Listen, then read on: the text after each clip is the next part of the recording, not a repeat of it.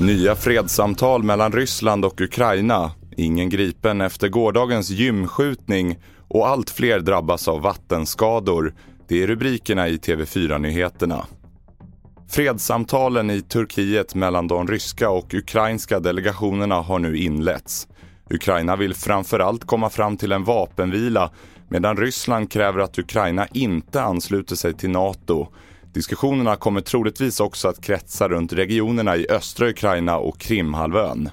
Utrikesreporter Ritva Rönnberg berättar vad man framförallt hoppas att förhandlingarna kan leda till. Det första man hoppas på och det som FNs generalsekreterare vädjar om det är eldupphör så att skadade och instängda människor kan föras ut ur städer och den mest kända staden som är belägrad är ju Mariupol. Mm. Där finns 160 000 människor under fruktansvärda omständigheter. Mer om den här utvecklingen på tv4.se. Den person som sköt en man på ett gym i centrala Stockholm igår är fortfarande på fri fot. Brottsrubriceringen gällande försök till mord kvarstår och polisen arbetar nu med att analysera de utredningsåtgärder som gjordes igår liksom en kartläggning av den skjutne samt eventuell motivbild.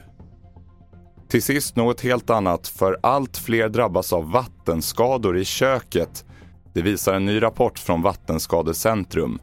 2021 stod köket för en tredjedel av alla vattenskador och det är framförallt utrustning som kyl och frys som är de största bovarna. Thomas Helmersson är verksamhetsledare på Vattenskadecentrum. Vi har fler vattenanslutna apparater i köket.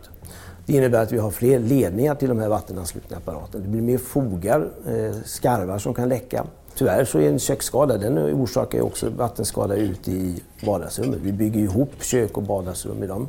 Så det blir ganska omfattande och stora skador.